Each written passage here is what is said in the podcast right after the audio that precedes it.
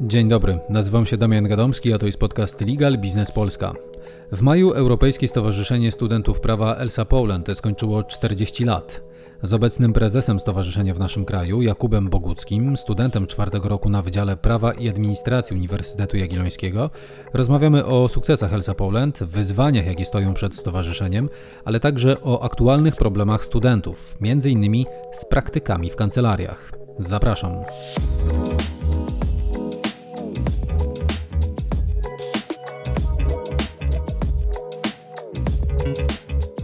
Dzień dobry, panie Jakubie. Dzień dobry, panie Damianie. E, to jest szczególny maj, ale też szczególny cały rok dla Stowarzyszenia Elsa Poland. 40-lecie, e, cztery dekady minęły działalności Stowarzyszenia w Polsce i w ogóle działalności Stowarzyszenia również w Europie, bo jak czytałem, to e, ten polski oddział był jednym ze współzałożycieli w ogóle Stowarzyszenia w całej Europie. Chyba jeszcze studenci z Austrii, Niemiec, zachodnich, to ważne, bo to był przecież 81 rok, e, z Austrii, Niemiec zachodnich e, i jeszcze z jednego kraju, ale niestety teraz nie pamiętam. I z, i z Węgier od razu, tak do A, z Węgier. Specyficzna sytuacja była, to chyba zaraz przejdziemy do tego. tak, w każdym razie to jest 40 lat. E, panu w tym szczególnym roku przyszło sprawować funkcję prezesa stowarzyszenia w Polsce. E, I zapewne przygotowując obchody, które miały miejsce w maju, spoglądał Pan na, na historię stowarzyszenia. Jak Pan ocenia te cztery dekady działalności ELSA w Polsce? Co by Pan wymienił w gronie tych największych sukcesów? Największym sukcesem, panie Damianie, jest to, że to stowarzyszenie w Polsce powstało. E, już mówię dlaczego. E, rok 80.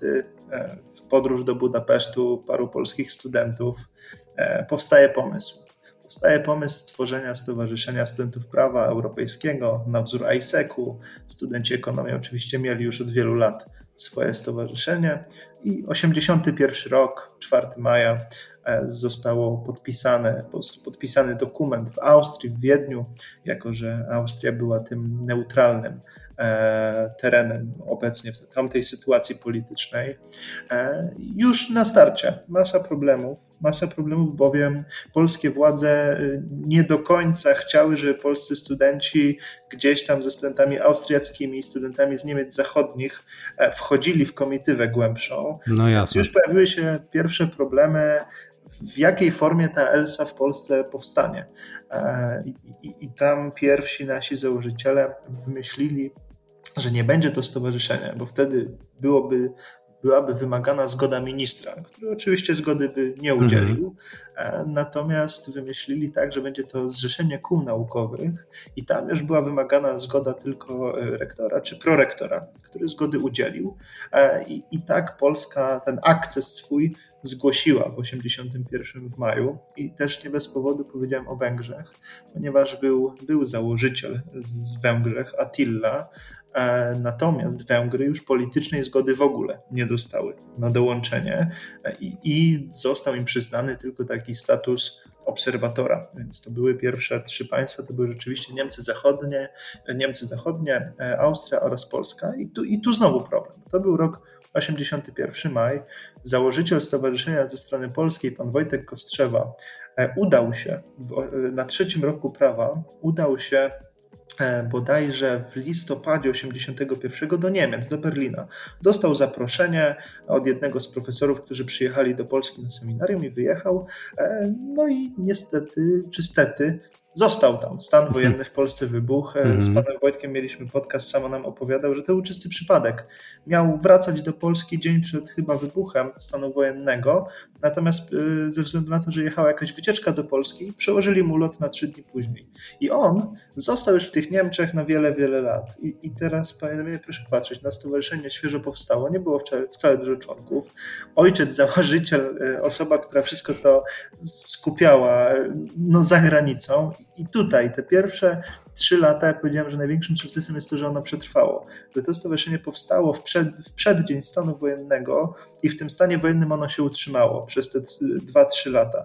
I to był chyba największy sukces e, i, i, i to, że ono potem się rozwinęło.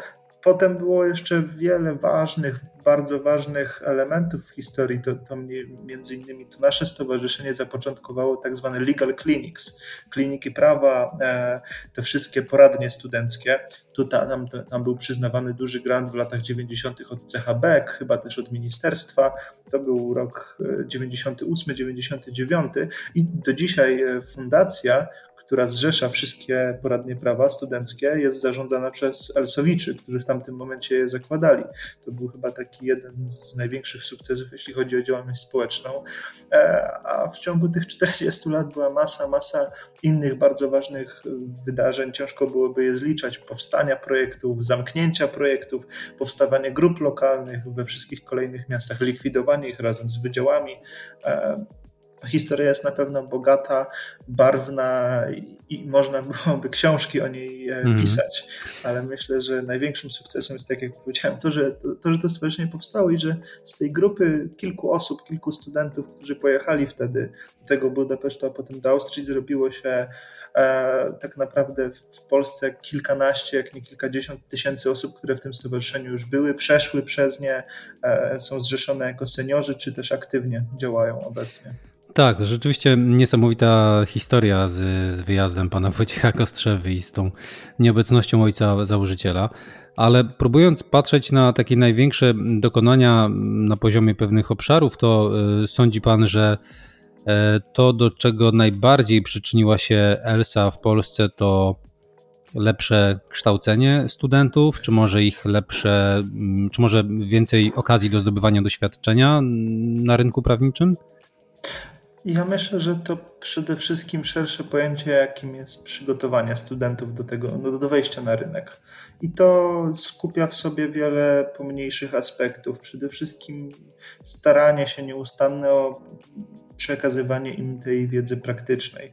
E, jednym z naszych celów statutowych rzeczywiście jest uzupełnianie tego poziomu edukacji prawnej zapewnianej, zapewnianej przez uniwersytety jak wszyscy dobrze wiemy, jest to nauka bardzo teoretyczna, e, przynajmniej na większości wydziałów. My gdzieś od lat staramy się, czy to różnymi konkursami, czy to różnymi warsztatami praktycznymi, spotkaniami z praktykami, pokazywać, czym tak naprawdę zajmuje się prawnik po studiach, e, z czym to się wiąże i, i pokazujemy im, jak te prace wykonywać. Dodatkowo też e, wydaje mi się, że jesteśmy takim od wielu, wielu lat buforem pomiędzy tym, co się dzieje na rynku prawniczym, a tym, co dzieje się na wydziałach. E, mhm. Można by rzec, że jesteśmy pewnego rodzaju pośrednikiem. Studenci, którzy mają styczność z nami, mają jednocześnie styczność z kancelariami prawnymi i na odwrót. Mhm. I czy to są te najważniejsze zadania stowarzyszenia również na kolejną najbliższą dekadę? To właśnie bycie tym łącznikiem świata teorii, uniwersyteckiego świata teorii z biznesowymi praktykami? Myślę, że nie do końca. Świat wokół nas się zmienia. E, my tę rolę przez długi, długi czas e, dobrze spełnialiśmy. Doszliśmy do tego momentu, że studenci już rzeczywiście sami mają coraz większą świadomość i chcą się w to, angażować w takie inicjatywy, więc też nie musimy tutaj e, większego nacisku na to nakładać. Natomiast pojawiają się nowe wyzwania przed naszym stowarzyszeniem.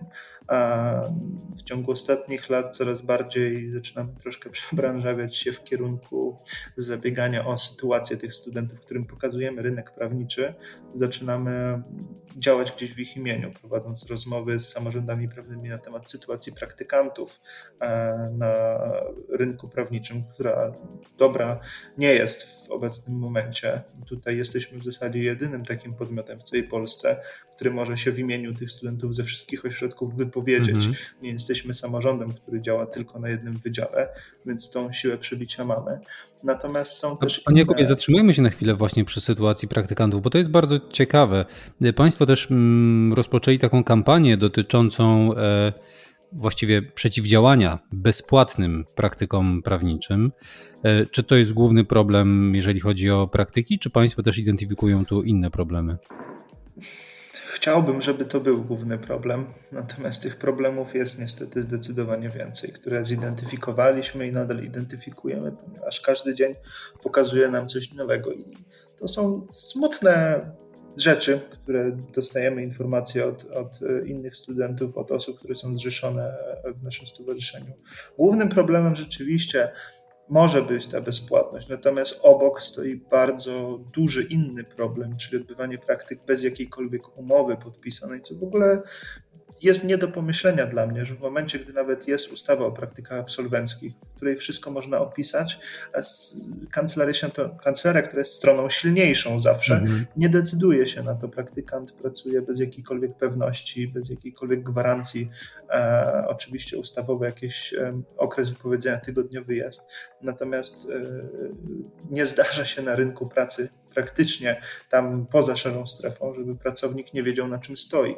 Kolejnym problemem jest to, co robią praktykanci na, na tych praktykach. Oczywiście jest bardzo dużo fajnych, merytorycznych praktyk, gdzie przygotowuje się pisma, przygotowuje się opinie prawne, bierze się udział w pracach projektowych, jednakże jest podobna ilość praktyk, które sprowadzają się do dzwonienia do sądu, przy kopiowania akt lub co najgorsze, co też nam e, w jednym z badań studenci anonimowym pokazywali, wykonywanie prywatnych czynności dla osób zatrudniających, czy to wybieraniu kursów językowych dla dzieci swoich e, i podobnych rzeczy. Zdarza się to niestety, więc tych problemów jest dużo, jest ich e, naprawdę więcej niż to tylko te bezpłatne praktyki. A co mhm. gorsza, niektóre z nich po prostu się łączą wszystko w jednym. I, mm -hmm. i, i tak to niestety wygląda. A czy pan ma wrażenie, że ponieważ zaczęliśmy od tego ten wątek, że mm, takim wyzwaniem dla stowarzyszenia jest właśnie bycie głosem studentów prawa e, i w pewnym sensie walka też o jakieś standardy dla studentów prawa, chociażby w przypadku praktyk prawniczych. A ma pan poczucie, że głos stowarzyszenia i tym samym głos studentów jest słyszalny, jest poważnie brany pod uwagę nie tylko przez uczelnie, ale właśnie przez, przez kancelarię, przez ten biznes prawniczy? E, wydaje mi się, zaczynając od uniwersytetów, jak Pan poruszył, e, ze wszystkimi wydziałami, z którymi współpracujemy, na których mamy swoje grupy lokalne, mamy bardzo dobre kontakty.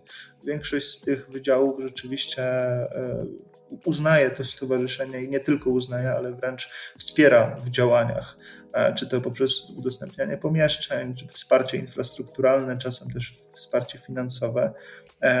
Jeśli natomiast chodzi o samorządy, ten głos jest słyszalny. Dostaliśmy zaproszenie na posiedzenie prezydium Naczelnej Rady Adwokackiej w najbliższym czasie po, po, po podjętych przez nas działaniach, e, gdzie wysłaliśmy informacje o tym, jak wyglądają praktyki i takie oświadczenie gdzieś wzywające do zabrania stanowiska. Podobnie też z radcami prawnymi. Zresztą obecny prezes Krajowej Rady Radców Prawnych to jest były członek ELSA, więc e, tutaj mamy ten kontakt i prowadzimy te rozmowy. I samorządy są świadome tej sytuacji i mamy nadzieję, że większe, więcej samorządów pójdzie tą drogą jak Naczelna Rada Adwokacka i zaprosi nas na takie rozmowy. E, natomiast jeśli chodzi o kancelarię, większe kancelarie na pewno, e, jakby to powiedzieć, mają tą wiedzę, że my mają taką wiedzę, że my wiemy e, mhm. o tym, czego potrzebują studenci, e, o tym, jak studenci czują się na praktykach. Niejednokrotnie zdarzało się, że pełniliśmy też funkcję może doradczą dla kancelarii, z którymi współpracowaliśmy w zakresie tego, jak praktyki powinny wyglądać. E, natomiast też należy zwrócić uwagę, że podmioty, z którymi my wybieramy współpracę na poziomie ogólnopolskim, są to podmioty, które można powiedzieć, że te praktyki e, starają się w jak najbardziej taki e, sposób odpowiedzialny społecznie prowadzić, e, gdzie wiemy, jak wyglądają, jak wygląda praca praktykantów, wiemy, jak wygląda rekrutacja i gdzie praktykanci też są raczej zadowoleni z tego wszystkiego. Tutaj problem rzeczywiście e, słyszalności może być na tym niższym, no nie niższym szczeblu, tylko na tym szczeblu pozawarszawskim e, w różnych miastach wojewódzkich, gdzie różne kancelarie mniejsze funkcjonują, czy też średniej mhm. wielkości, gdzie to tam są identyfikowane głównie te wszystkie problemy. Czyli jeśli dobrze rozumiem, możemy wyprowadzić taki wniosek na podstawie e, Państwa wiedzy, że te problemy z praktykami, o których mówiliśmy, które rzeczywiście mogą być czy są w zasadzie nieco bulwersujące, dotyczą przede wszystkim mniejszych kancelarii? Jeśli chodzi o bezpłatność, nieodpłatność, bezumowność, tak, to, to głównie to, co e, zauważyliśmy w rozmowach, e, jest w kancelariach mniejszych, średnich, e, kancelariach, które raczej też nie mają aspiracji na, na bycie kancelarią dużą, bycie kancelarią taką, no, mówiąc żargonem prawniczym, rankingowaną w różnych rankingach, mhm. ponieważ takie kancelarie, które mają są większe, dbają o swój wizerunek, tak y, PR e, na social mediach też, przykładają chyba większą wagę do tego, jak, jak e, są traktowani praktykanci. Wracając do pytania, które pojawiło się y, na początku, bo odpłynęliśmy potem w problemy studentów, ale bardzo ważne to było odpłynięcie. Wracając natomiast do początku tego wątku, to te najważniejsze wyzwania na najbliższe lata dla stowarzyszenia to, jak rozumiem, rzeczywiście nadal bycie łącznikiem między studentami mm, a biznesem prawniczym, a kancelariami czy też samorządami, plus właśnie stawanie y, w obronie pewnych standardów i w gwarantowaniu studentom dobrego startu i rozwoju kariery zawodowej. Tak, ale to też nie wszystko. E, ja ostatnio, my ostatnio przyjęliśmy taki nowy cel na najbliższe 3 lata. E, Elsa Poland jako Stowarzyszenie Wartości. E, mhm. Tymi wartościami dla nas oczywiście z jednej strony jest ta obrona praktykantów i, i gdzieś przemawianie w ich imieniu, natomiast obecna sytuacja smutna dość, która w Polsce od kilku lat się nasila, wymaga od nas też innych działań, jak od podmiotu które edukuje społeczeństwo. Nie ukrywam, że my po pierwsze gdzieś edukujemy studentów prawa poprzez nasze wydarzenia, natomiast też e, mamy coraz szerszą grupę docelową. Uczestnikami naszych spotkań już nie tylko są prawnicy i studenci prawa ze względu na działanie w formie online, ale też osoby z prawem niezwiązane. W momencie, gdy nasza wizja Sprawiedliwy Świat, w którym przynosi się godność ludzką i różnorodność kulturową, odrobinę mamy wrażenie, że cierpi w Polsce, szczególnie w zakresie sprawiedliwego świata w zakresie godności ludzkiej, w zakresie różnorodności kulturowej, wymagają od nas gdzieś coraz bardziej stanowczych działań, głównie edukacyjnych. W tym roku, ten rok był ciężki pod tym kątem. W tym roku spotkaliśmy się z orzeczeniem e, w sprawie aborcji, z orzeczeniem w sprawie rzecznika obywatelskiego, z wieloma innymi sytuacjami, które godzą wprost w praworządność naszą. I tutaj naszą misją na te najbliższe lata jest też coś, gdzie z roku na rok działamy coraz aktywniej, czyli nie chcę mówić eh, obrona praworządności, bo, bo nie uznaję, żebyśmy uznaję, że praworządność bronią ludzie rzeczywiście, którzy są ludźmi czynu, którzy walczą o nią w sądach, walczą o nią e, czy to na manifestacjach, my jako stowarzyszenie, natomiast naszym głównym zadaniem jest edukowanie społeczeństwa, pokazywanie im, co jest dobre, co jest złe w zakresie tej zasady praworządności. E, zaczęliśmy to robić, zaczęliśmy, zaczęliśmy w czasie rzeczywistym, że tak powiem, komentować sytuację, co się zaczęło sprawdzać po, po wyroku e, o Rzeczniku Praw Obywatelskich. Zrobiliśmy debatę z uczestnictwem no, trzy dni po, po wydarzeniu chyba debatę z uczestnictwem profesora Cola, profesora Tulei, e, profesora Patyry, profesora Biernata, wielu innych znamienitych postaci, też premier Suchockiej czy, czy, e, czy profesor Wlonkowskiej, e, które dotarło do ponad dwudziestu kilku tysięcy osób, które przysłuchały tą debatę trwającą chyba dwie godziny. I myślę, że to jest też nasza najważniejsza misja na mhm. przyszłe lata. Pokazywać starać się edukować społeczeństwo w ten sposób, żeby samo było ono w stanie powiedzieć, że to jest dobra sytuacja, a to jest zła sytuacja. Mhm. Rozumiem. E, natomiast poza mm, tymi e, elementami i wydarzeniami polityczno-prawnymi, tak chyba musimy je nazwać, które wydarzyły się w ostatnim czasie, to wracając do spraw studenckich, to też był ciężki rok ze względu na mm, naukę zdalną i zastanawiam się, y, jakie tutaj pojawiały się problemy. Czy to jest tak jak e, z pracownikami home office, że niektórzy stwierdzili, że to jest całkiem ok, da się tak żyć, nie jest tak źle, nie chcemy wracać do biur. A co studenci sądzą na temat nauki zdalnej, prawa?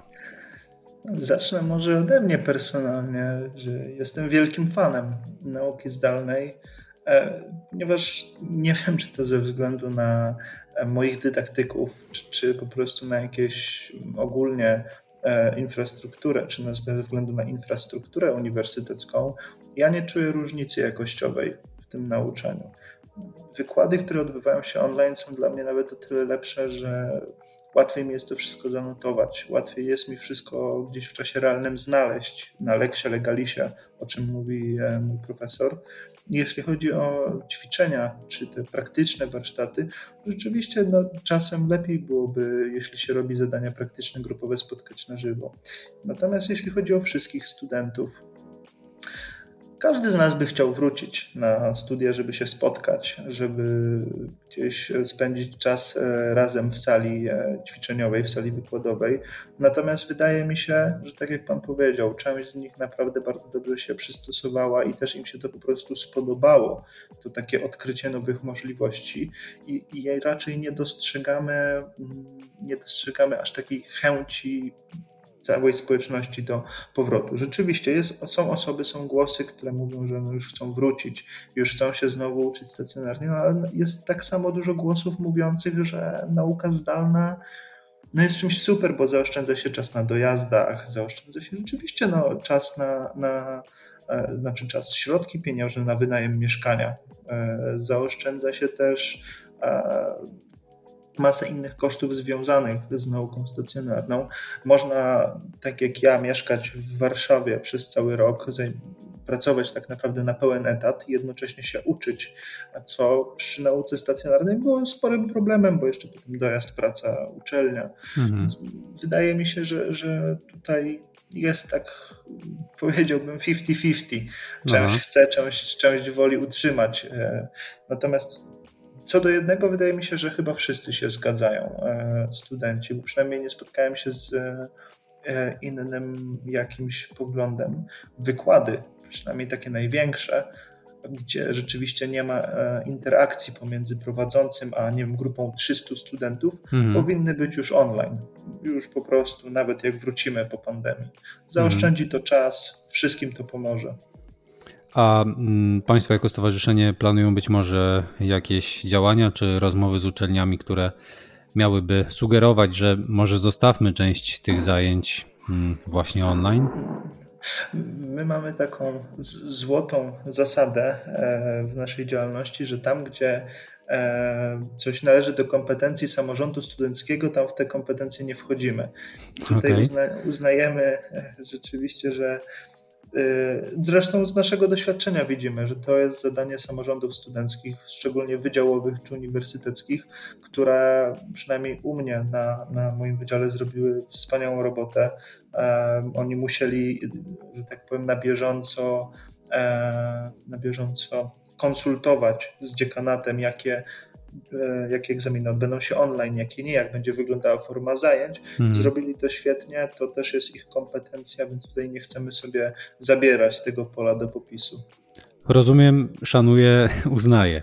Panie Jakubie, natomiast mm, wracając jeszcze do studentów na rynku pracy i do młodych prawników na rynku pracy, kilka razy ostatnio słyszałem od rekruterów, z którymi rozmawiałem, że y, obecne pokolenie wchodzące na rynek pracy prawniczej jest nieco inne, że trudniej znaleźć młodego prawnika, który jest rzeczywiście zdeterminowany do tego, żeby pracować długie godziny, nawet kilkanaście godzin e, w dużych kancelariach, że mm, dzisiaj już młodzi ludzie nieco inaczej na to patrzą. Pan też ma takie wrażenie i to też wybija z rozmów waszych ze studentami w środowisku? Myślę, że myślę, że tak. Myślę, że tutaj na to składa się parę aspektów, o których myślę, że mogę też e, powiedzieć, e, co jest takim sporym problemem przy pracy kilkanaście godzin z naszej perspektywy. Mianowicie wynagrodzenia, e, które są oferowane w większości przy pracach w tych kancelariach, gdzie jest wymagana praca po kilkanaście godzin, to są wynagrodzenia ryczałtowe to nie są wynagrodzenia godzinowe, a ponad nadgodziny nie są płatne, co nie jest dobrym trendem. Dlatego też studenci nie chcą pracować więcej niż 8 godzin, skoro jest to praca tak naprawdę bezpłatna. Różnie się to nazywa, to się mówi czasem zadaniowy czas pracy, e, stawka ryczałtowa. Jest to nazwane jak jest nazwane, natomiast jest to duży problem i coraz częściej, ale coraz częściej też zauważyliśmy, że studenci pytają wprost, czy nadgodziny są płatne mhm. i zaczynają na to zwracać naprawdę dużą uwagę i tak i przez to jest ciężko znaleźć tę pracę, bo studenci są świadomi, my doskonale wiemy, kto, która kancelaria ile jest w stanie zaoferować i w której kancelarii te nadgodziny są płatne czy są niepłatne. Dlatego też do części z tych kancelarii ludzie po prostu się nie zgłaszają. A ta kancelaria, powiem szczerze, która miałaby wprost powiedziane, że płaci za, płaci za nadgodzinę, płaci w normalnej stawce, myślę, że cieszyłaby się taką samą popularnością. Mhm. Natomiast ta druga kwestia, rzeczywiście takiej, nie wiem czy zmiany pokoleniowej, e, ale wydaje mi się, że studenci przynajmniej gdzieś mój rocznik, roczniki młodsze, ja jestem rocznik 98, coraz większą uwagę przykładają, coraz większą wagę przykładają do, do życia poza pracą, poza nauką. Nie ukrywam, że e, część ze studentów jest też strasznie zmęczona studiami, w których e, starają się jednocześnie pracować i studiować, co praktycznie okazuje się, że pracują na dwa etaty, znaczy mm -hmm. uczą się i pracują. E, I, I, brakuje im tego czasu na hobby, na rodzinę, na znajomych, przyjaciół, na podróże czy, czy cokolwiek i chcą sobie to po studiach odbijać, myśląc, że po studiach już nie. Student myśli, że po studiach już nie będzie musiał tak dużo robić, przeważnie. Mamy w głowach gdzieś takie przekonanie, że skoro teraz odbywamy praktyki na pełen etat, a do tego jeszcze uczymy się, przygotowujemy na egzaminy, e, robimy masę innych rzeczy, to ten czas po aplikacji, już może na aplikacji, będzie tym czasem spokojniejszym. No i myślę, że dlatego rzeczywiście coraz mniej studentów e, godzi się na taką pracę po kilkanaście, kilkadziesiąt godzin pod rząd. Mhm. A ma Pan wrażenie, że zmierzamy w takim razie e, do rynku studenta czy do rynku młodego prawnika, a nie, a nie rynku pracodawcy? Oczywiście, że zmierzamy, oczywiście, że zmierzamy, bo jest jeszcze jeden powód, e, z którego, który, który, że tak powiem, do nas do tego prowadzi, którego rekruterzy może nie są świadomi do końca. Mam nadzieję, że to odsłuchają. E, zmieniła się trzy lata temu ustawa o szkolnictwie wyższym, e, ustawa 2.0. Ustawa ta przewiduje nowy przelicznik finansowania uczelni. Nie jest to już tak, że ile studentów, tyle pieniędzy. Jest natomiast ten przelicznik, ilość studentów przypadająca na jednego pracownika naukowego. Mhm. No i proszę sobie wyobrazić, że na Uniwersytecie Jagiellońskim jeszcze kilka lat temu przyjmowało się 800-900 osób, teraz przyjmuje się dwa razy mniej. Na innych uczelniach tak samo jest ten trend zniżkowy. Dlaczego? No dlatego, że tych studentów było wiele więcej niż pracowników naukowych. Doprowadza to do tego, że ten rocznik już, no mój, ale też kolejny, będą pierwsze roczniki, gdzie wyjdzie mniej absolwentów prawa ze wszystkich uczelni, które są powiedzmy w cudzysłowie atrakcyjne dla tych największych e, kancelarii, które poszukują, mają stałe zapotrzebowanie, każdego mm -hmm. roku musi do nich dołączyć tyle i tyle osób. Tych, tych, prawników, tych młodych prawników będzie coraz mniej, ponieważ uczelnie będą wypuszczać coraz mniej absolwentów, wydziały prawa będą wypuszczać coraz mniej absolwentów. Jednocześnie zapotrzebowanie na usługi prawnicze stale rośnie, są coraz to nowsze dziedziny. Kancelarii też widzimy, że jest coraz więcej chyba, coraz to nowsze powstają, więc tutaj sytuacja za chwilę się drastycznie zmieni, hmm. w mojej opinii. To rzeczywiście jest bardzo, bardzo ciekawy wątek, który Pan poruszył, ale ja myślę, że to w takim razie będzie musiało doprowadzić e, do tego, co miejscami już się dzieje, czyli do dużych zmian w organizacjach, szczególnie w tych dużych organizacjach i dużych kancelariach, które będą musiały też zmienić pewien model e, podejścia do, do pracy, do prawników, do oceniania e, prawników. To rzeczywiście to wytarty slogan, ale jednak ciekawe czasy przed nami i zobaczymy, jak to się potoczy. Panie Jakubie, wracając na koniec jeszcze do działalności stowarzyszenia i do, do Pana działalności w stowarzyszeniu, e, z końcem lipca kończy się Pana kadencja na fotelu prezesa Elsa Poland. Jak Pan podsumowuje te 12 miesięcy działalności w swoim wykonaniu? Był to czas dla stowarzyszenia na pewno ciężki, bo był to pierwszy rok ciągu tych 40 lat istnienia, e, gdzie pojawił się kryzys może na miarę tego stanu wojennego. Cały rok działalności online. Mhm. zero projektów w formie stacjonarnej, zero spotkań w formie stacjonarnej. Naszych przyjaciół Elsowiczy z innych miast widzieliśmy tylko na kamerkach było to no, coś dobijającego, natomiast oceniam mimo wszystko pozytywnie to, co nam się udało zrobić, ponieważ no, gdzieś nie załamaliśmy się, podjęliśmy się bardzo wielu ważnych inicjatyw, zarówno projektowych, gdzie rzeczywiście udało się wszystkie projekty utrzymać, zorganizować je na wysokim poziomie, a zarazem zwiększyć ich popularność, ponieważ zanotowaliśmy przy tych kluczowych projektach, jak Ogólnopolska Konferencja Podatkowa, Ogólnopolski Mudkord Sprawa i Procedury Cywilnej, Civilis, E, olbrzymie wzrosty, gdzieś kilkukrotne, jeśli chodzi o osoby zgłoszone czy biorące udział. Więc tutaj na pewno duży plus. Dzięki temu, że mieliśmy tak naprawdę paradoksalnie więcej czasu na prace gdzieś koncepcyjne, udało przygotować naprawdę fajne strategie rozwojowe na kolejne lata, ale też był to rok, którym rzeczywiście zaczęliśmy o te nasze wartości coraz bardziej walczyć. Czy to, jak już rozmawialiśmy dzisiaj o sytuacji praktykantów, gdzie, gdzie zaczęliśmy gdzieś od pewnego oświadczenia i, i przez cały rok te rozmowy z samorządami prowadzimy na mniej lub bardziej zaawansowanym stopniu. Mam nadzieję, że do końca kadencji uda się e, do czegoś już dojść takiego wiążącego. Był to oczywiście rok, w którym gdzieś więcej przyłożyliśmy wagi do, do sytuacji takiego, w którym rozmawialiśmy o orzeczeniach Trybunału Konstytucyjnego. Mm. Rozpoczęliśmy tutaj naszą kampanię Krok bliżej praworządności, w której staramy się edukować społeczeństwo w tym zakresie. No i był to przede wszystkim rok, w którym e, jeśli chodzi o zasoby ludzkie stowarzyszenia, nie odczuliśmy za bardzo tej pandemii. Udało się, dla mnie jest to fenomen, że udało się rekrutację w formie online do organizacji studenckiej przeprowadzić na, na takim poziomie, jak w latach, kiedy mieliśmy w zasadzie wszystko w formie stacjonarnej. To tylko pokazuje jedno, że już po tych kilku miesiącach pandemii w październiku poprzedniego roku licealiści i studenci byli nią zmęczeni i potrzebowali drugiej osoby. Więc myślę, że przed nami, przed nami też e, kolejny taki boom, jeśli chodzi o działalność studencką. Nie tylko mhm. w naszym stowarzyszeniu, ale w innych organizacjach, w kołach i w samorządach. I była to przede wszystkim kadencja po prostu wymagająca, wymagająca pracy w warunkach, no, które pod były znakiem epidemii. czymś nowym. Tak, pod znakiem epidemii, gdzie nie wiedzieliśmy, co będzie za trzy miesiące. Mhm. Gdy był nasz jubileusz zaplanowany na maj, my nie wiedzieliśmy w lutym, czy on będzie, czy on nie będzie. Działanie pod takim znakiem zapytania no, jest czymś okropnym nikomu w ogóle go, nie, nikomu go nie życzę, nawet jak to się mówi, najgorszemu wrogowi nie życzę takiego działania, ale mam nadzieję, patrząc na obecną sytuację, że ta przyszła kadencja już nie będzie pod takim znakiem. Mm. Już będziemy wiedzieli, na czym stoimy. Politycy często mówią w takich sytuacjach y, przejęcia, odejścia, że zostawiają swoim następcom organizację w dobrym stanie. To rozumiem, że pan też to może powiedzieć.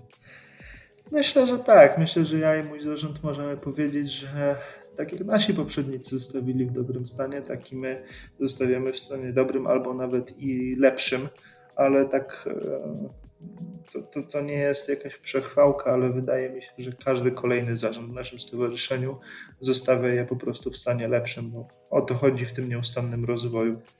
Bardzo dziękuję. Naszym gościem był Jakub Bogucki, prezes Elsa Poland, student czwartego roku prawa na Uniwersytecie Jagiellońskim. Bardzo dziękuję panie Jakubie za tę rozmowę. Dziękuję bardzo panie Damianie.